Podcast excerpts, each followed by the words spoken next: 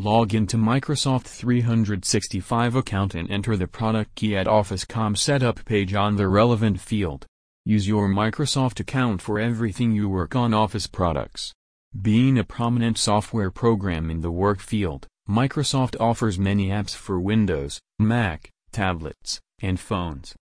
OSetupSetup.com